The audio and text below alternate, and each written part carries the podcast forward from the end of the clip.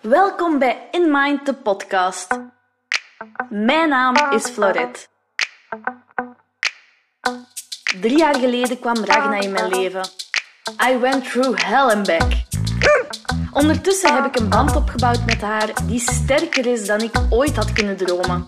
Nee, ze is niet perfect. Ik ook niet. Niemand is perfect. In deze podcast vertel ik over de druk die we op onszelf leggen en op onze honden.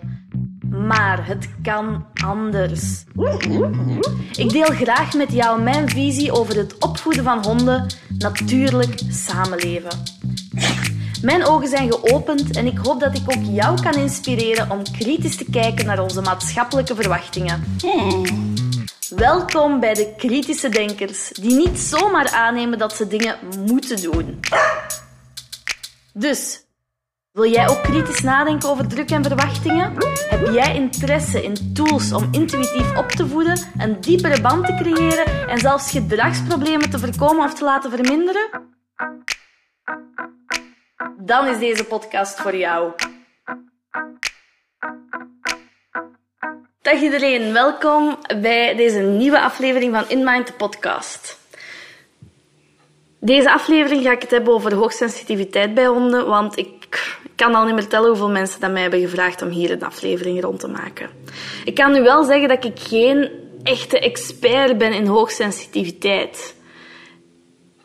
Ik ken niet heel veel van de theorie. Ik weet niet exact hoe dat welke processen werken in de hersenen, uh, waarom dat, dat is dat die prikkels bij hoogsensitieve mensen en honden harder binnenkomen. Die zaken weet ik niet. Maar ik leef al wel een tijd samen met een hond die eigenlijk alle tekenen van hoogsensitiviteit vertoont. En het is ook dankzij mijn vermoeden, destijds toen Ragna nog een puber was, dat ze hoogsensitief was, dat ik uiteindelijk op het juiste pad ben geraakt om haar juist te begeleiden. Want ik geloof echt dat hoogsensitieve honden een andere aanpak nodig hebben dan andere honden. Maar ik geloof ook dat elke hond zal floreren met de specifieke aanpak die je kan gebruiken voor hoogsensitieve honden. Elke hond omdat die aanpak gewoon gaat kijken naar wat kan dit individu op dit moment aan en hoe kunnen we zo goed mogelijk daarmee omgaan. En dat werkt voor elke hond. Nu, honden die niet hoogsensitief zijn, die zullen misschien al wat beter meedraaien als je niet al te veel rekening met hun houdt. Maar bij hoogsensitieve honden staat meestal het huis op stelte als je geen rekening houdt met hun. Nu, moet ik al bij zeggen um, dat als je vermoeden hebt dat je een hoogsensitieve hond hebt, dat ik één boek mega hard kan aanraden. En dat is het boek Dogcity van Ineke van der A. Ik ga jullie gewoon uh, de lijst even voorlezen uit Ineke haar boek. Uh, en natuurlijk, hoe meer van die stellingen dat voor jullie kloppen, hoe meer kans dat je hebt dat je hoog, hond hoogsensitief is. Nu, wil ik wel zeggen dat als jij hier heel veel in herkent, dat ik gewoon zou zeggen, koop haar boek, lees dat eens door, zodat je een, een basisidee hebt van wat zit hier allemaal achter, want zij vertelt dat prachtig, dat boek is fantastisch. En als je daarna daar begeleiding bij zou willen, dan kan ik je daar zeker mee helpen. Oké, de lijst uit Toxitief van Ineke van der A. Mijn hond lijkt de kleinste details uit zijn omgeving op te merken. Het gedrag van mijn hond is sterk beïnvloed door mijn humeur. Mijn hond reageert gevoelig aan aanrakingen en of lichamelijke pijn. Mijn hond zoekt uit eigen initiatief regelmatig afzondering of rust op. Mijn hond reageert gevoelig op voedselkwaliteit of verandering in dieet, zowel in gedrag, bijvoorbeeld het langer snuffelen aan, mijn, aan nieuwe voeding, als gezondheid, gemakkelijk diarree. Mijn hond wordt snel nerveus van lawaai. Mijn hond heeft last van stressgerelateerde lichaamskwaaltjes, bijvoorbeeld gastro-intestinale gevoeligheid, oorontstekingen en oogontstekingen of andere. Mijn hond heeft een voorkeur voor of een afkeer van een bepaald wandeltuigje. Mijn hond lijkt gauw emotioneel te reageren of te overdrijven. Mijn hond schrikt algemeen snel op. Mijn hond wordt druk als ik hem bij langdurige activiteiten betrek. Mijn hond is gevoelig aan concentratieverlies. Mijn hond is gevoelig aan overprikkeling. Mijn hond doet zijn best om me tevreden te stellen. Mijn hond gaat hevig spel met meerdere honden uit de weg, maar kan wel fijn samenspelen met een enkele andere hond. Mijn hond reageert eerder terughoudend tegenover nieuwe prikkels. Mijn hond lijkt heel veel tijd nodig te hebben om nieuwe prikkels te onderzoeken. Mijn hond reageert nerveus als zijn dagelijkse routine verandert. Mijn hond lijkt gevoelig aan bepaalde geuren of geluiden. Mijn hond tracht drukke situaties te ontwijken. Mijn hond reageert extreem opgewonden in drukke situaties. Eens mijn hond opgewonden is, is het moeilijk hem tot rust te brengen. Mijn hond lijkt zich steeds bewust van zijn omgeving. Dus dit is die lijst. En als je nu heel weinig stellingen hebt aangevinkt, dan kan het dat, een, dat je hond minder hoogsensitief is. Maar eigenlijk maakt dat niet veel uit. Het is gewoon, deze zijn allemaal zaken die dat je als eigenaar verschrikkelijk moeilijk kan vinden. Deze zijn zaken waar je als eigenaar niet goed weet hoe je hiermee om moet gaan. Zaken die je onzeker maken. En ik moet zeggen, bij Ragna waren ze, toen zij jong was, bijna allemaal aangevinkt. Nu is het ook zo dat Ragna, los van het hoogsensitief, was ook chronisch overprikkeld. Ik weet dat omdat wij bij Kelly van Praktijk Natuurgeneeskunde en Voeding bij Dieren een haaranalyse hebben laten doen. En daar is uitgebleken dat er bepaalde stoffen zijn bij haar, in haar haar, bepaalde mineralen, die 16 keer hoger zijn dan bij de gemiddelde hond. En dat zijn specifiek die mineralen die wijzen op stress en overprikkeling. En zij heeft dus chronische stress gehad, wat er nog aan bijdroeg dat haar symptomen van al die zaken nog veel erger waren. Nu, toen Ragna klein was, denk ik dat we dat al zijn beginnen merken heel vroeg, omdat uh, je hebt natuurlijk het puppybijten, maar je hebt puppybijten en je hebt puppybijten.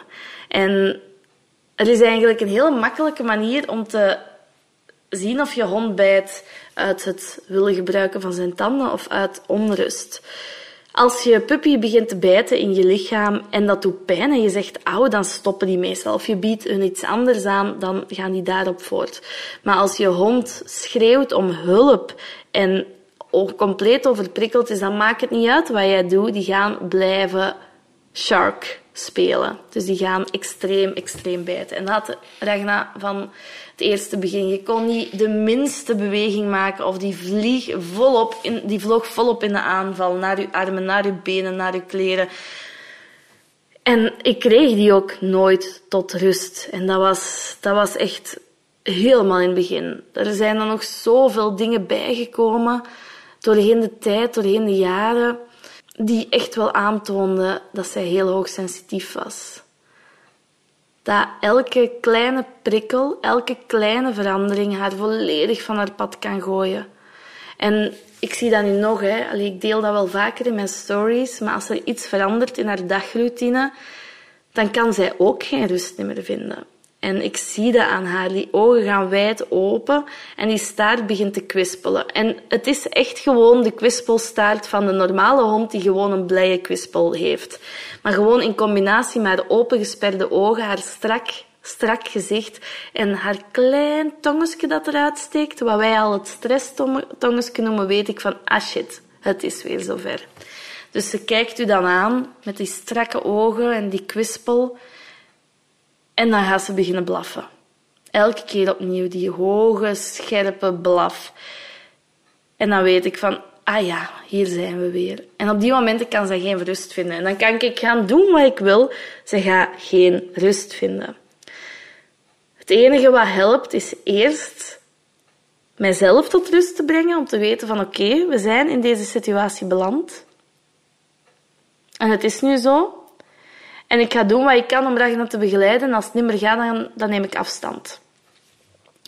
En soms lukt het uiteindelijk, als ik mezelf tot rust ben, breng en haar begeleid naar een mand van hier, ga hier maar wel liggen, dat het beter gaat. Maar heel vaak werkt dat gewoon niet. En dan weet ik gewoon dat ik naar binnen moet keren en moet wachten totdat die episode over is. Want uiteindelijk is het dat. Het gaat altijd over.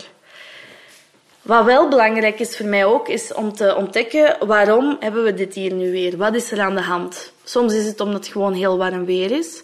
Het kan zijn omdat ik haar eten heb gegeven in plaats van Casper. Het kan zijn omdat we iets te veel prikkels hebben gehad die dag. Bijvoorbeeld een wandeling en dan de deurbel die gegaan is. En het, het kan zo van alles zijn. Maar ik vind het wel belangrijk voor mijzelf om te kunnen analyseren van, van waar komt dit nu? Van waar komt dit gedrag nu? Omdat dat mij helpt om er milder naar te kijken en te weten van, mijn meisje, je kunt er niet aan doen. Hè. Ik ga je gewoon even, even laten, laten bekoelen. En ik weet dat dat van haar een hulpvraag is. En dat is een hulpvraag die ik beantwoord met heel veel plezier. Maar soms kan ze mijn hulp ook niet aanvaarden. Soms lukt het gewoon echt niet. En dan is het voor mij ook belangrijk om het los te kunnen laten. Want ik kan niet controleren hoe zij zich voelt. Ik kan haar opties aanbieden om het beter te maken, maar ik kan haar niet dwingen om te stoppen. Ik kan niet haar gevoel controleren. En dat is echt heel belangrijk als je begint te beseffen dat je een hoogsensitieve hond bent, hebt, is naar jezelf gaan. En dat zijn ook een paar zaken die Inneke in haar boek beschrijft. Vragen die dat je aan jezelf moet stellen. Hoe ervaar jij het reactief angstig of asociaal gedrag van je hond? Welke gevoelens roept dat bij je op? En hoe reageert je daar meestal op? En dan als je denkt aan het beeld van ideale hond, wat is dat beeld? Enzovoort. Want dat is meestal het moeilijke. Hè? Wij nemen een hond in huis en wij hebben meteen dat ideaalbeeld in ons hoofd. We hebben het beeld in ons hoofd hoe dat wij willen dat die hond eruit ziet. Wij hebben een idee wat wij willen gaan doen met die hond. Bij mij bijvoorbeeld, ik, um, ik ging trektochten maken met Ragna. Ik ging er veel mee op reis gaan. Ik ging kamperen en die zaken. Dat zijn allemaal dingen die zij absoluut niet aan kan. Maar dat was wel pijnlijk voor mij om die ideeën te laten vallen. Je kan bijvoorbeeld een hond in huis nemen met het idee dat dat een therapiehond gaat worden. Dat die mensen kan begeleiden. Maar als jouw hond hoogsensitief is en de draagkracht niet heeft om veel mensen te zien op een dag, ga je dat idee moeten laten vallen. En aanvaarding is altijd de eerste stap naar verandering. Ook al is die hond niet de hond dat jij in gedachten had, ook al kan je die hond soms achter het behang plakken, je gaat die moeten aanvaarden. En jezelf natuurlijk ook. Hoe komt het dat jouw hond nu misschien hoogsensitief is? Daar is geen sluitend antwoord op. Maar vaak zien ze dit wel voorkomen bij honden die tekorten hebben gehad in de nest, in de buik, de eerste weken bij de mama. En als we kijken naar Ragna bijvoorbeeld, uh, ik weet niet juist van waar ze komt. Ik weet wel waar ik haar heb gehaald. Dat is een zogezegd thuisnestje. Maar als je mijn eerste aflevering hebt gehoord, dan... Uh, weet je wel dat dat een lusje situatie was. En dat zij veel jonger bij ons is toegekomen, wat ervoor zorgt dat zij waarschijnlijk heel essentiële zaken heeft gemist in haar jonge leven. Al was het nog in de baarmoeder. Ik vermoed dat zij ook op transport heeft gezeten, dat zij serieus onder voet is geweest, dat weet ik ook. Zij is dan al te vroeg bij ons gekomen. Ze heeft te weinig, niet lang genoeg moedermelk gehad. Heel dat gedoe. Dus die slechte start is vaak gecorreleerd met hoogsensitiviteit. Maar wil niet zeggen dat honden die uit een goede omgeving komen dat niet kunnen krijgen natuurlijk. Ik hoor ook heel vaak van mensen die zelf hoogsensitief zijn dat ze hoogsensitiviteit bij hun honden vermoeden. En ik denk dat dat ook heel duidelijk is. Die mensen weten wat er omgaat in hun eigen hoofd en kunnen dat dus heel snel zien bij een ander individu, een ander wezen omdat ze gewoon hun eigen kenmerken herkennen, hoe dat zij zelf op bepaalde zaken kunnen reageren en dat dan ineens zien terugkomen bij hun honden. Nu, het is belangrijk dat er sommige mensen gaan zeggen dat je daar doet aan antropomorfisme. Dat wil zeggen dat je menselijke eigenschappen aan dieren gaat toekennen, maar weet dat ik eigenlijk geloof dat die term al lang achterhaald is. Wij zijn zoogdieren allemaal, mensen, honden, apen. Wij zijn allemaal zoogdieren. En dat wil zeggen dat ons brein op DNA-niveau bijna helemaal identiek is aan elkaar. Dus waarom zouden wij als mens dan hoogsensitiviteit kunnen ontwikkelen en onze honden niet? Het is ook al lang bewezen dat gedrag voortkomt van bepaalde prikkels. Dus hoe werkt het? Je hebt een prikkel. En die prikkel komt binnen via je ogen, je oren, je neus, uh, aanraking enzovoort. En die prikkel die bereikt je zintuigen. Je zintuig gaat die dan ombuigen tot informatie waar dat je lichaam iets mee kan. En wij maken daar een perceptie op in onze hersenen en dat vormt eventueel een emotie en emotie vormt een gedrag. En dat werkt hetzelfde bij dieren, dat werkt hetzelfde bij ons. Dus hoogsensitiviteit kan er ook zijn bij honden, kan er ook zijn bij andere diersoorten. Met dezelfde symptomen of dezelfde karakteristieken die wij daarin ervaren. En het gedrag van een hond bevat dus altijd superveel waarde over hoe dat die zich voelen. Want daarom dat het zo gevaarlijk is om op gedrag te gaan werken, om een bepaald gedrag te willen wegtrainen, om enkel naar dat gedrag te kijken. Want dat gedrag dat is het tipje van de ijsberg. Alles wat daaronder zit, dat is belangrijk. Waarom stelt hij dat gedrag? Want gedrag dat komt maar helemaal op het einde van die kettingreactie. En we willen die stukjes daarvoor zien. En bij hoogsensitieve honden is dat nog, nog belangrijker. Maar zoals ik al zei, deze aanpak past die gewoon op alle honden toe. En nog iets wat Ineke heel mooi schrijft in haar boek is dat er twee soorten of twee grote uitingen zijn van hoogsensitiviteit. Zij noemt het de avonturiers en de rustzoekers. En je hebt in mijn ogen bij de avonturiers, ik, ik, zie dat, ik zie Ragna er eigenlijk onder vallen, dat zijn die honden die altijd op ontdekking willen, altijd meer willen en die heel ja, avontuurlijk aangelegd zijn, het eigenlijk niet aankunnen. Dus die, gaan, die willen zelf altijd initiatief nemen, die willen zelf altijd nieuwe dingen doen en dan krijgen die een mega overload in hun hersenen en zijn ze op en kapot en zitten daar bij hun hond die verschrikkelijk gedrag vertoont. Dat zijn voor mij de honden die je moet beschermen voor zichzelf. En dan heb je de rustzoekers. En de rustzoekers, dat zijn de honden die zich heel snel zelf gaan terugtrekken uit de situatie. Is een situatie is te veel en die gaan zeggen, oh nee, niet voor mij, die zoeken rust. En die gaan ergens anders in een rustige omgeving om zichzelf te beschermen. Bij die honden valt die hoogsensitiviteit veel minder op, omdat die zelf, zichzelf beschermen tegen het gedrag dat kan voorkomen als ze het niet zouden doen. En daaronder zie ik mijzelf eigenlijk. Ik zie mijzelf als een rustzoeker. Ik weet perfect wat kan ik aan van prikkels en wanneer ga ik erover gaan. En sinds enkele jaren ben ik vrij goed in die grenzen te bewaren voor mezelf en ga ik zelf mijn rust zoeken en bescherm ik mezelf. Maar onze hondjes die avonturiers zijn en altijd overal tussen willen zitten en altijd overal mee mee willen doen, ja, die komen snel in de problemen. En dat zijn de moeilijkste om juist te gaan begeleiden. Nu, honden met hoogsensitiviteit, ik zei al dat Ragna ook last had van chronische overprikkeling, maar dat komt vaak samen.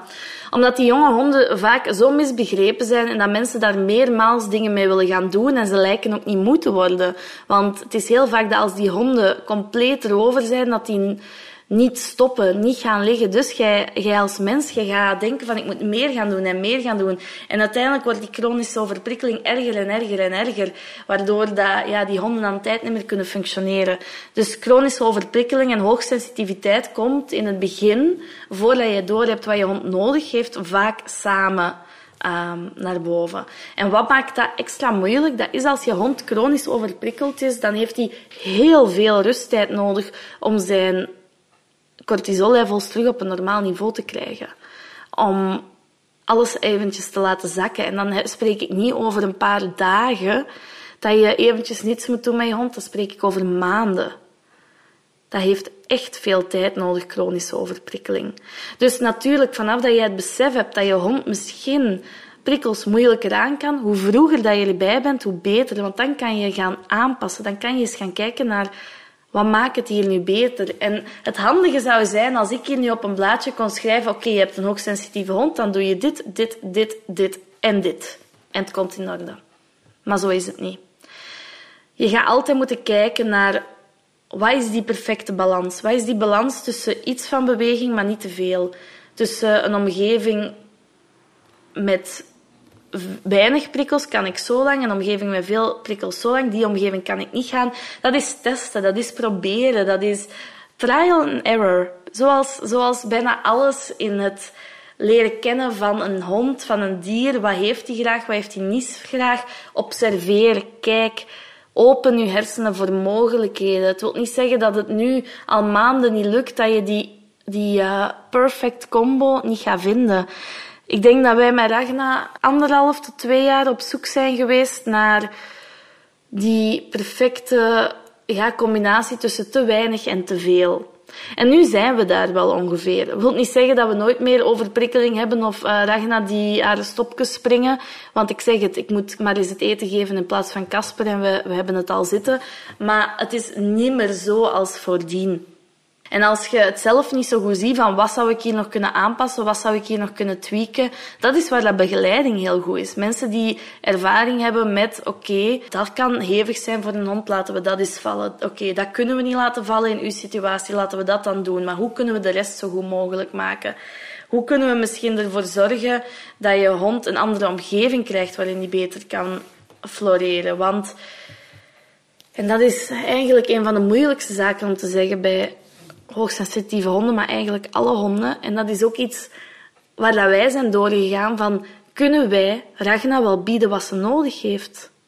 Zijn wij daar wel de mensen voor? Want we wonen in het midden van het centrum van Gent en ik zag het niet goed komen. Hoeveel dat we ook probeerden, het, het werd niet beter. En uiteindelijk hebben wij dan besluit, besluit genomen om te verhuizen naar een rustigere omgeving. En dat was onze redding.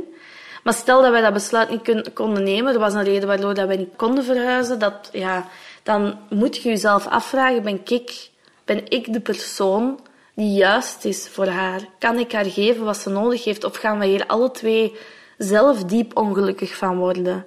En die vraag komt keihard binnen, want je ziet je hond doodgraag. Maar soms, soms, en ik zeg niet dat iedereen dat moet doen, maar soms is net de keuze maken om een betere thuis te zoeken, de beste keuze met het meeste liefde. Die laat zien dat je er echt van houdt. Want ik was vroeger ook van mening van uw hond zomaar wegdoen, dat kan niet. En ik ben nu nog van mening dat dat vaak te snel gebeurt en dat je echt moet nadenken voordat je een hond neemt. Maar soms zijt je gewoon niet de juiste match voor die hond. En als je dan je best doet om iemand te zoeken die wel helemaal de juiste match is daarmee, dan wil dat niet zeggen dat jij een slecht persoon bent. Dan wil dat zeggen dat jij je hond heel graag ziet. En dat je je hond het beste gunt. En deze zijn heel gevaarlijk om over te praten eigenlijk, want honden ter adoptie zetten wordt over het algemeen bekeken als jij bent een slecht persoon, je bent een slechte mens. Maar soms heb je alles geprobeerd. En dan bedoel ik niet met alles met training en met shockbanden. Nee, dan bedoel ik alles als in begripvol geweest. Uzelf zoveel mogelijk aangepast om de noden van je hond te vervullen. Je omgeving zoveel mogelijk aangepast om de noden van die hond te vervullen. Maar soms lukt het dan nog niet. Soms kan die hond gewoon niet floreren in die huidige omgeving.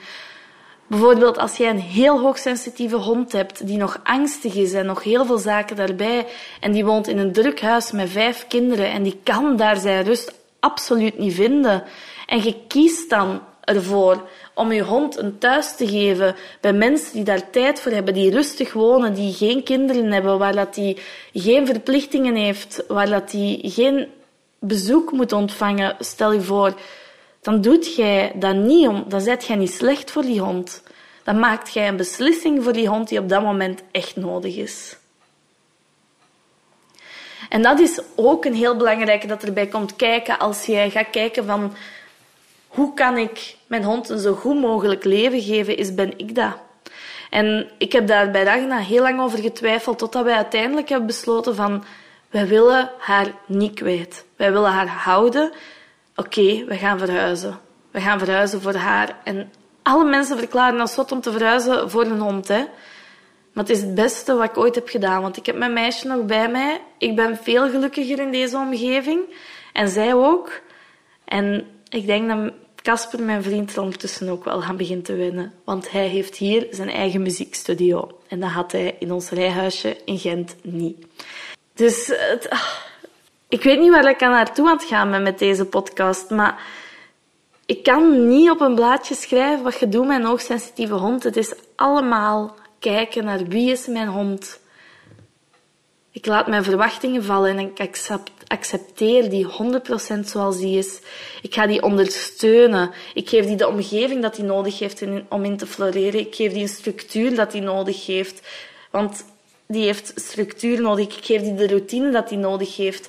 Als ik elke beweging dat ik, moet gaan dat ik wil doen, moet gaan aankondigen, dan doe ik dat als dat makkelijker maakt voor mijn hond. En dat wil zelf niet zeggen dat je dat voor altijd moet doen. Maar dat, zijn, dat is even jezelf een beetje aanpassen om het je hond gemakkelijker te maken. Wilt jij veel bezoek ontvangen? Doe je hond dan aan een plaats waar het rustiger is. Er zijn heel veel mogelijkheden, maar die hond gaat niet die hond zijn waar ik mee kan gaan hiken, waar ik mee ga kamperen, waar ik constant activiteiten mee ga doen. Dat is niet de hond die ik meeneem naar feestjes en dat gaat die nooit niet zijn. Maar ik kan wel ervoor zorgen dat die kan functioneren in deze maatschappij op haar manier. En dat die manier past bij hoe dat mijn leven is. En als dat absoluut clasht, als dat echt geen mogelijkheid is, dat ik er dan voor zorg dat zij in een zo goed mogelijke plek terechtkomt die wel voor haar past en waar zij zich kan uitleven, zodat iemand anders die geweldige band kan opbouwen met mijn hond. Die dan niet meer van jou is, maar die wel het beste leven heeft gekregen dankzij jou. En waarom is dat niet anders bij andere honden die misschien niet hoogsensitief zijn? Omdat je moet naar elke hond gaan kijken hoe dat die is van binnen, wat dat die aan kan, wat dat die graag doet, wat dat die, waar dat die hond van gaat tikken. En je moet dat ook bij jou gaan zoeken. En je moet daar gemeenschappelijke delers in vinden en dat samenleven. Je moet gewoon natuurlijk gaan samenleven, zonder verwachtingen. Die is die, ik ben ik. En wij werken samen. Wij leven samen. En het kan niet altijd alles voor de ene individu zijn en niet altijd, altijd alles voor de andere. Kijk hoe dat je samenleeft met je kinderen. Er zijn mensen die zich volledig wegcijferen voor hun kinderen, maar dat is ook niet gezond. En er gaat uiteindelijk één iemand de dupe van zijn. Nee, niet één iemand. Alle twee de dupe van zijn. Of alle drie. De partner, de vrouw en de kinderen als je volledig wegcijfert.